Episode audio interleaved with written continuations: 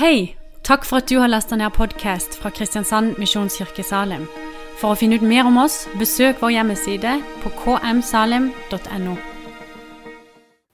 Och så fint att få komma. Man, kan, det, man kunde resa från Göteborg bara för att höra den här kören, eller hur? Jag tror jag, ta, ja. jag, tror jag åker till Arendal ikväll. Vi får se. Eh, tack också för att jag får tala om mitt favoritbud. Det är ju teologiskt helt fel att säga så, men eh, mm, jag säger det ändå därför att jag tycker att det här är det mest det är det mest positiva av alla bud och det är nog också ett av de mest livgivande. Och eh, när eh, jag och min hustru för ungefär tio år sedan bestämde oss för att försöka införa en sabbatsritual en, på vårt sätt. Eh, så jag kan nästan inte säga vad det har betytt för oss och därför talar jag väldigt gärna om det, även om jag inte ska berätta om, om oss själva. Eh, jag tänkte försöka fokusera på, på inte vad man inte får på vilodagen, utan snarare vad, vad vilan ger. Och eh, lite speciellt då vad som, vad som gömmer sig, tror jag, i budet om att vila en dag i veckan. Jag läser två texter. Den första är från Andra Mosebok kapitel 20. Tänk på att hålla sabbatsdagen helig. Sex dagar ska du arbeta och sköta alla dina sysslor. Men den sjunde dagen är Herren, din Guds sabbat. Då ska du inte utföra något arbete, varken du eller din son eller din dotter, din slav eller din slavinna, din boskap eller invandraren i städer. På sex dagar gjorde Herren himlen och jorden och havet och allt vad de rymmer. Men på den sjunde dagen vilade han. Därför har Herren välsignat sabbatsdagen och gjort den till en helig dag. Och så från det 31 kapitlet i samma bok, den sjunde versen. Ty på sex dagar gjorde Herren himmel och jord. Men den sjunde dagen vilade han och hämtade andan. Låter inte det skönt? Eh, först några ord om, om vila och kreativitet eftersom vi ofta tänker om vila att då, då, liksom, då släpper man saker, man släpper sitt jobb och allt detta. Det vi kanske glömmer ibland är att någonting händer i vår passivitet som är väldigt kreativt. Bibelns första rad lyder så här. I begynnelsen skapade Gud himmel och jord. Det hebreiska verbet för skapa, bara, betyder frambringa. Men det kan också betyda att dra sig tillbaka. Alltså, Gud drog sig tillbaka. Och detta för att ge rum åt någonting annat, för att ge rum åt skapelsen.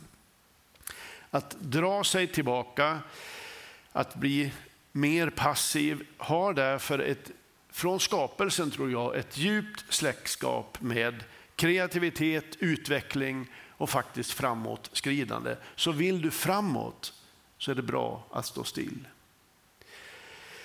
Eh, det var ett radioprogram i Sveriges Radio eh, för en tid sedan där man hade samlat en rad kloka människor och frågan den här panelen hade fått det var följande. Hur kan det komma sig att så många judar har fått Nobelpris? Det är ju sant att de har fått i, ja, flest i alla kategorier. Eh, det kom många svar på den här frågan. Någon sa att ja, men det finns hos det här folket en kultur av bildning som säkert har spelat in. Någon sa deras hårda historia har ju tvingat fram en slags uppfinningsrikedom av rena överlevnadsskäl. Men så efter en stund så var det en av dem som sa så här. Jag tror att det kan handla om sabbaten. Då hände det som aldrig händer i Sveriges Radio.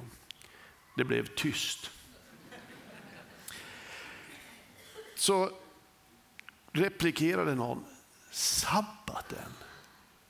Ja, sa den här människan, om det är någonting det här folket, det judiska folket har gjort sig kända för, var de än hamnar i hela världen, så är det ju att de håller sabbatsdagen helig, att det är en viktig dag för dem. Och jag kan tänka mig, sa han, att eh, precis detta har gjort dem tillgängliga för reflektion, för tankar som de inte hade fått annars. Alltså om man ligger i hela tiden och liksom hela tiden ska göra framsteg så är ju risken att man inte gör det. Så kort sagt, eh, det här är dagens tips. Det är smartare att inte försöka få Nobelpriset en dag i veckan. Och sen kan man försöka få det i sex dagar i veckan. Men det är smartare att inte försöka få det en dag i veckan. Alltså, det sker när du vilar, om det är Nobelpris du siktar emot. Eh, vi kristna har kan man säga gjort om judarnas sabbat till vår söndag och vilodag. När man läser en del av Gamla testamentets texter så vet ni att det hänger över dem en ganska mörk skugga som ungefär låter att om du inte helgar vilodagen så kommer det gå illa för dig, dåligt för dig. Många i våra sammanhang berättar ju att de växte upp eh, i en värld där söndagen präglades av vad man inte fick. Det var inte tillåtet, man fick inte spela bandy på gatan i, i mitt fall. Man skulle helst sitta i ett fönster och titta ut.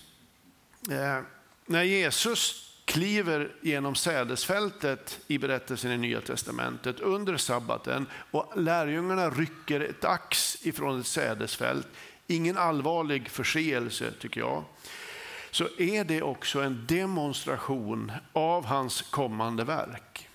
För när han har gått igenom fältet så klargör han att sabbaten är till för människan, inte tvärtom. Och att Människosonen är herre över sabbaten.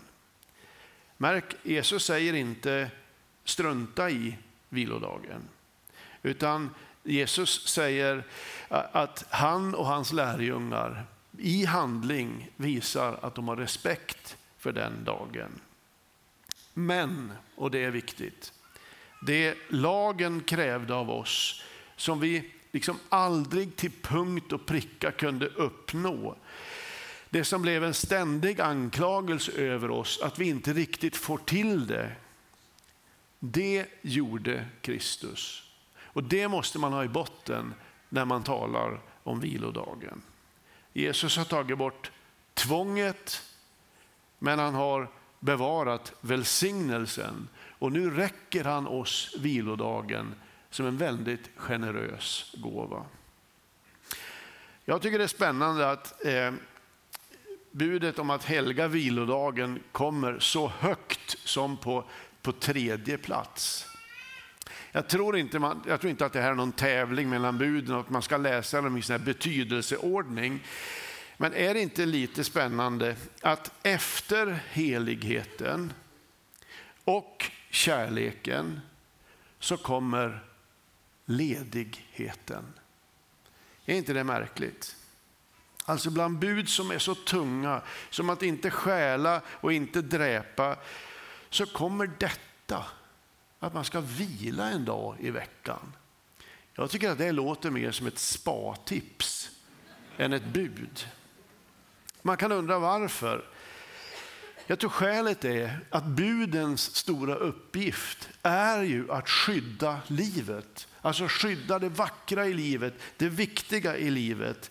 Och där behövs ibland gränser. Om allt får flyta ut går livet sönder. Som en, om en man som jag skulle åka omkring som jag gör nu ett par dagar, liksom vecka ut och vecka in, så är det farligaste med det inte att jag sliter sönder min egen kropp och min egen själ. Det farligaste och sorgligaste är ju att mitt sätt att leva liksom river upp luften runt de människor som jag har omkring mig. Och för sent upptäcker man att en sån egoistisk livsstil drabbade dem som jag älskar allra mest. Obs! Den som vilar släpper inte ansvaret. Den som vilar tar ansvar för det viktigaste i livet, kärleken.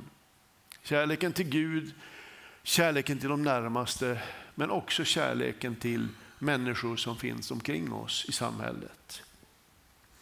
Sex dagar ska du arbeta och sköta dina sysslor.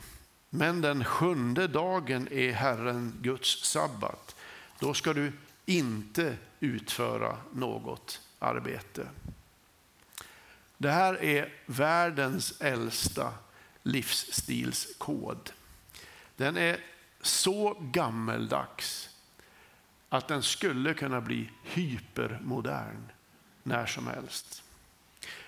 Och viktigt att säga, det här berättar ju att det finns en rytm att falla in i. Alltså det är inte upp till dig eller mig att försöka uppfinna en rytm för mitt liv. Det finns redan en rytm att falla in i. Det är påfallande hur rytmisk hela skapelsen är. Skapelsen uppstår ju som ni vet inte liksom som en kaskad där ekorrar och, och valar liksom kommer huller om buller och så råkar det här bli en värld. Utan allt sker under distinkt avskilda skapelsedagar i en fast rytm. Och i skildringen i första Mosebok så upprepas. Det blev kväll och det blev morgon. Och så dagarnas ordning. Det här var den fjärde dagen och så vidare. I den rytmen fortsätter den här världen genom tidsåldrarna. Jag tycker det är vackert. Det blir kväll och det blir morgon. Årstiderna växlar, isarna går, vårfloderna kastar sig från höjderna och tidvattnet kommer och går som ett samtal mellan land och hav. Och så inuti den människa som blev en del av skapelsen under det sjätte skapelsedygnet så klappar ett mycket rytmiskt hjärta. Och det är det här ljudet, alltså ljudet av skapelsens rytm som man hör när man blir stilla. Till berättelsen om denna rytm så hör ju då också noteringen om att Gud vilade. Eller som det faktiskt stod i den andra texten vi läste, att Gud vilade på den sjunde dagen och hämtade andan. Det låter som en, ett djupt andetag. Det är, en intressant upplysning att Gud hämtar andan. I den engelska, en av de engelska översättningarna så används ordet refreshed. Alltså det som bokstavligen betyder att andas ut. Och det här, det är mäktigt. Alltså Gud skapar universum på sex dagar och intar liksom sin plats i skapelsen på den sjunde dagen. Och om det har funnits någonsin någon bild av överflöd så måste det vara den här. Hur tid och rum har fått löpa i separata banor och sen vävs ihop till en sömlös helhet. Gud har utövat sin skaparmakt till det yttersta. Och så är det nu som om skaparen själv, liksom konstnären kliver in i sitt eget konstverk. Och så tar vilan plats i skapelsen. Och man måste säga att den tar stor plats. En sjundedel av tiden. Både i judisk och i kristen teologi så har det varit viktigt att fastslå att vilodagen är den första dagen i veckan, inte den sista. Och det här är lite förvirrande. Men man, man måste definiera då och säga att ur Guds perspektiv så är naturligtvis det här den sjunde dagen. Men ur människans perspektiv så är ju det den första dagen Därför att det är på den sjätte dagen människan kommer in i skapelsen.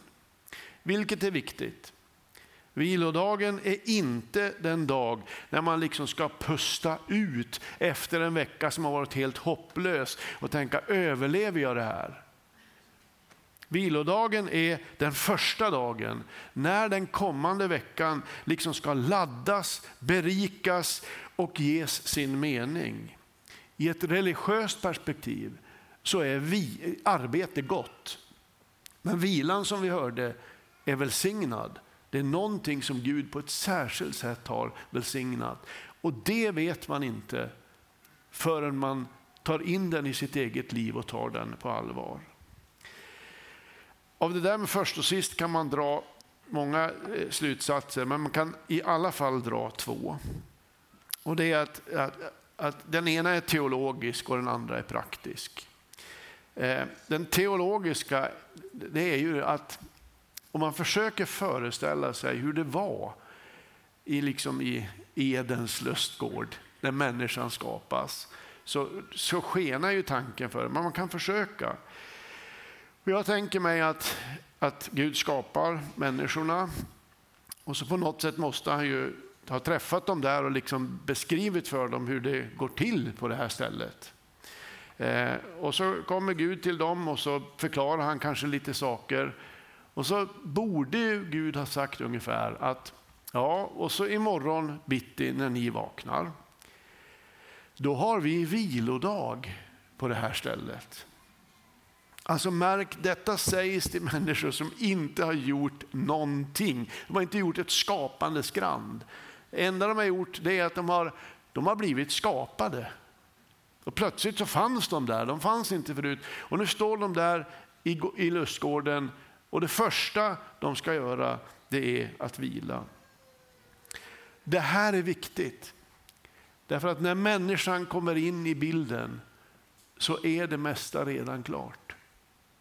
Och vad jag önskar att du kunde finna vila i det. Det är inte upp till oss alltid. Det är inte våra ansträngningar och våra muskler som gör detta. När vi kommer in i bilden så är allting klart. Gud har redan gjort det. I hans verk kan vi liksom falla in och finna vila. Därför är vilan i judisk tro en, det är en trosbekännelse. Att vila är att bekänna sin tro.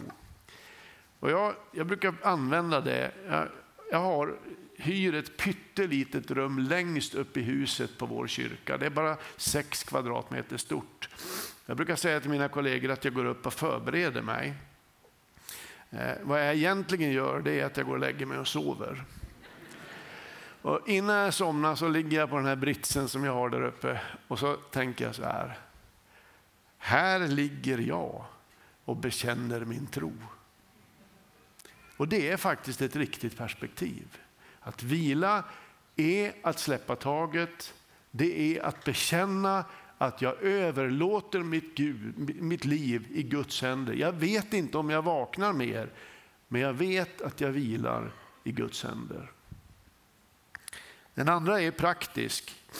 Eh, och det är ju att det är, det är klokt att vila innan. Alltså inte köra och köra nu resten av hösten här tills du stupar i en tallrik med julgröt. För trött för att orka vila ens. Utan tänka att nu tar vi det här i rätt ordning. Nu ska jag vila först. Och så kommer du märka att allt det där som liksom bara spidar upp sig kommer att få en annan rytm. I vårt tänkande har vilan hamnat sist. Eh, jag tänker på alla uttryck som att man ska ta igen sig, man ska återhämta sig, man ska vila i kapp. Det berättar ju att, att vilan har hamnat sist istället för först. Och jag, jag har hört alldeles för många gånger för att kunna undgå att det finns ett mönster i detta. Eh, när människor eh, liksom skriver på Facebook. Jag, jag, har inte Facebook. Jag har aldrig haft det heller, men jag brukar titta så här över axeln på min fru som har Facebook. Och då har jag ju upptäckt att då är det någon som skriver ungefär så här. Ja, efter en alldeles hopplös höst med för mycket arbete så åker min, min familj och jag till Gran Canaria och så ska vi vila i kapp den här hösten. Eh, och då är det ju massor med sådana här likes. Och så är det många som skriver ungefär så här. Ja, fina du. Det var du värd och det har du förtjänat. Men problemet är att vilan inte ingår i sådana kategorier i våra liv. Vila är inte någonting man får för att man har förtjänat det. Det vore fruktansvärt. Det är ingenting man får för att man råkar vara värd det heller. Utan vilan är en plikt. Alltså någonting som hör till själva livsordningen, själva livsstilen. Och när den får falla på plats i ens liv så märker man att det är den stora gåvan vad det gäller livsrytmen. Man behöver inte vila i kapp. Man kan åka till Gran Canaria ändå.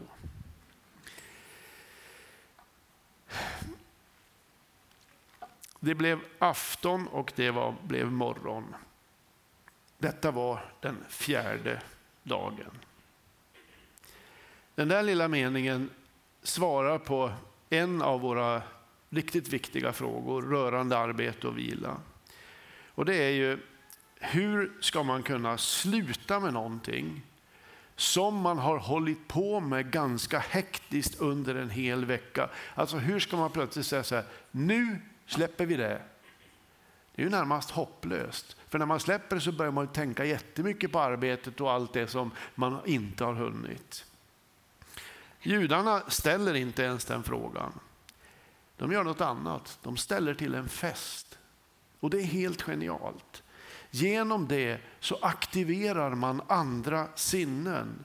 Man pyntar sitt hus, man tar på sig sina finaste kläder, man bär med sig mat och dryck. Det är sång, det är dans. Och det som märker den här förändringen först är kroppen. Kroppen berättar att nu går vi in i någonting annat. Och när man vaknar den andra morgonen därpå så, så ska man inte säga så ja nu börjar sabbaten. Man är mitt uppe i den. Festen, leken, dansen, maten har liksom slagit an tonen för det kommande dygnet. På det sättet blir också vilodagen eh, på djupet en sinnlig fråga. Alltså en fråga om sensualitet. Det blev afton och det blev morgon. Det sensuella ges ganska mycket fokus i rabbinernas beskrivningar av sabbaten. Och det överröstar på ett sätt allt det här som vi sammanknippar med en massa förbud. Rabbinerna tar ibland spjärn i berättelsen om Mose och den brinnande busken. När Gud uppenbarar sig genom att låta en buske, alldeles vanlig buske, flamma av eld utan att brinna upp. Och så är uppmaningen att Mose ska ta av sig sina skor. På helig mark ska man gå barfota. På helig mark ska man gå med nakna fötter. Sabbatsföreskrifterna förbjuder allt som dämpar vår sensibilitet och bejakar allt som väcker vår längtan efter närhet, njutning och lust. Alltså, vad behöver jag lägga bort för att öka känsligheten? Vad är det jag kanske måste stänga av för att ömheten i vår relation ska vakna? I vilan får du chansen att gå barfota i ditt liv. Och så det sista. Eh, det är min lilla hyllning till tvärstoppet. Jag tror att det heter bråstoppet i Norge. Gör det där? Det här. Judendomen skiljer sig från kristendomen på många sätt, men bland annat att gränsdragningar är väldigt viktigt i judendomen. Och här, man, man kan ju bli smått galen på alla bud och förbud som reglerar sabbaten. 613 bud reglerar sabbaten. Allt från att man måste riva av sitt toalettpapper dagen innan sabbaten börjar, för det är arbete att göra det. Eller att man inte ska trycka på lysknappar av och på, för det är också ett arbete. Det som är tillåtet 18.05 är förbjudet 18.10. Eh, man kan le åt det, men frågan är om vi har något bättre. Vi som lever med det som kallas mobiltid. Alltså, ja, allting är möjligt. Vi skjuter på det lite grann, vi tar det lite senare, vi gör det färdigt först och så har vi någonting som är bättre än bråstoppet.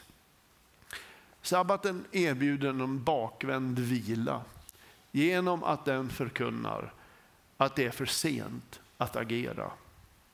Tiden är ute. Därför att tiden är inne för någonting annat, någonting viktigare. Ibland när vi får besök hemma i vårt 1800-talshus som verkligen har sina brister så hör jag mig själv säga ungefär samma sak varje gång. Kommer in där nere och så ska vi gå upp för trappen upp till köket och detta. Och så säger de så här, åh vad fint ni har det vilket gammalt charmigt hus, säger de och tittar. Vet ni vad jag gör då? Då börjar jag ursäkta och säga så här, ja det är fint men det är ju det är mycket som ska göras här. Alltså här till exempel saknas ju lister eh, och det hade de ju inte sett om jag inte hade sagt det, eller hur? Och så börjar jag ursäkta och till slut så säger jag så här, ja men det blir fint när det blir färdigt. Känner ni igen den? Ja. Jag har en ny tes och den lyder, det blir trist, kedligt när det blir färdigt. färdigt.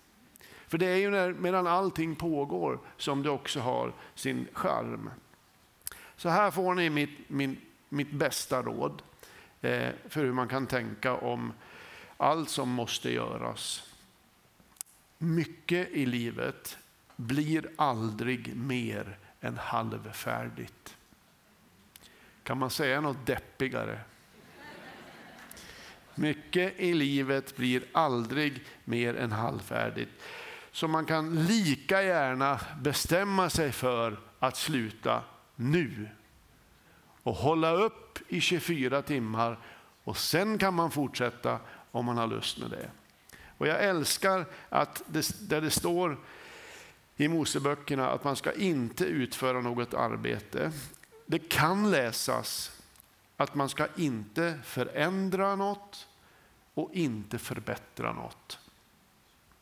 Är inte det musik i våra öron? Alltså, du får 24 timmar när du slipper renovera.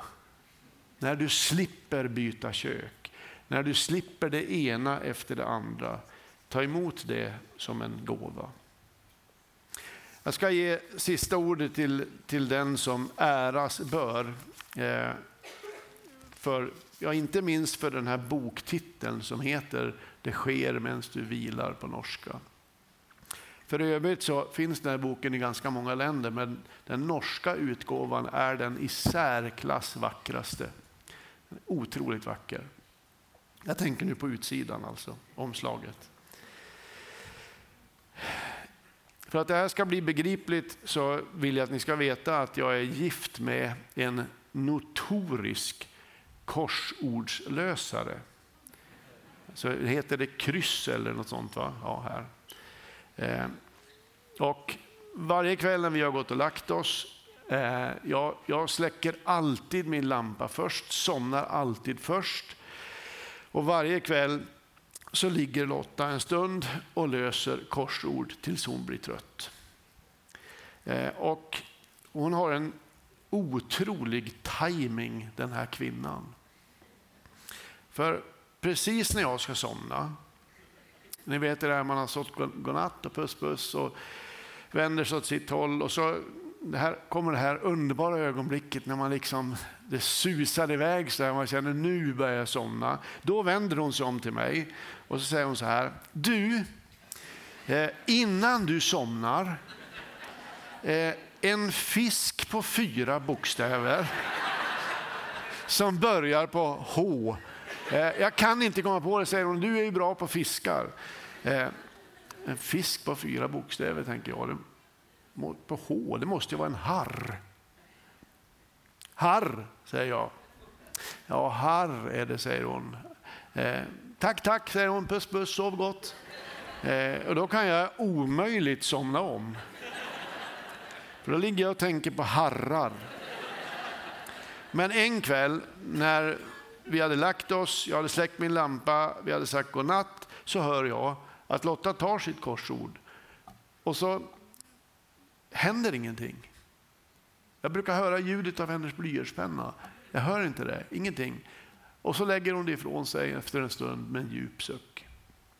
Kvällen därpå tar hon upp det igen och eh, när hon har gjort det så hör jag ju att hon omedelbart skriver det första ordet. Ett ord till, ett ord till, ett ord till. Och när hon har skrivit fem eller sex ord så här bara, bara det bara kommer då vänder hon sig om till mig och så säger hon så här. Vad bra det är att lägga ett korsord åt sidan en stund. För när man tar upp det, då kommer orden direkt. Jag tror att det här är en av vilans välsignelser. Att det sker någonting där som inte sker annars. Jag tror att det är en av följderna att Gud har välsignat vilodagen och vilan. Att någonting uppstår där som om man håller tiden helt i sin egen hand aldrig får chansen att ske. När jag hade pratat i ett helt annat sammanhang än, än så här så kom det fram en dam och så sa hon att hon hade, hon hade en lapp till mig som hon hade skrivit på. Och det kändes nästan som att hon inte höll med om särskilt mycket av det jag hade sagt.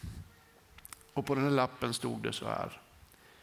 Hur ljuvt att ingenting göra och sedan vila efteråt. Amen.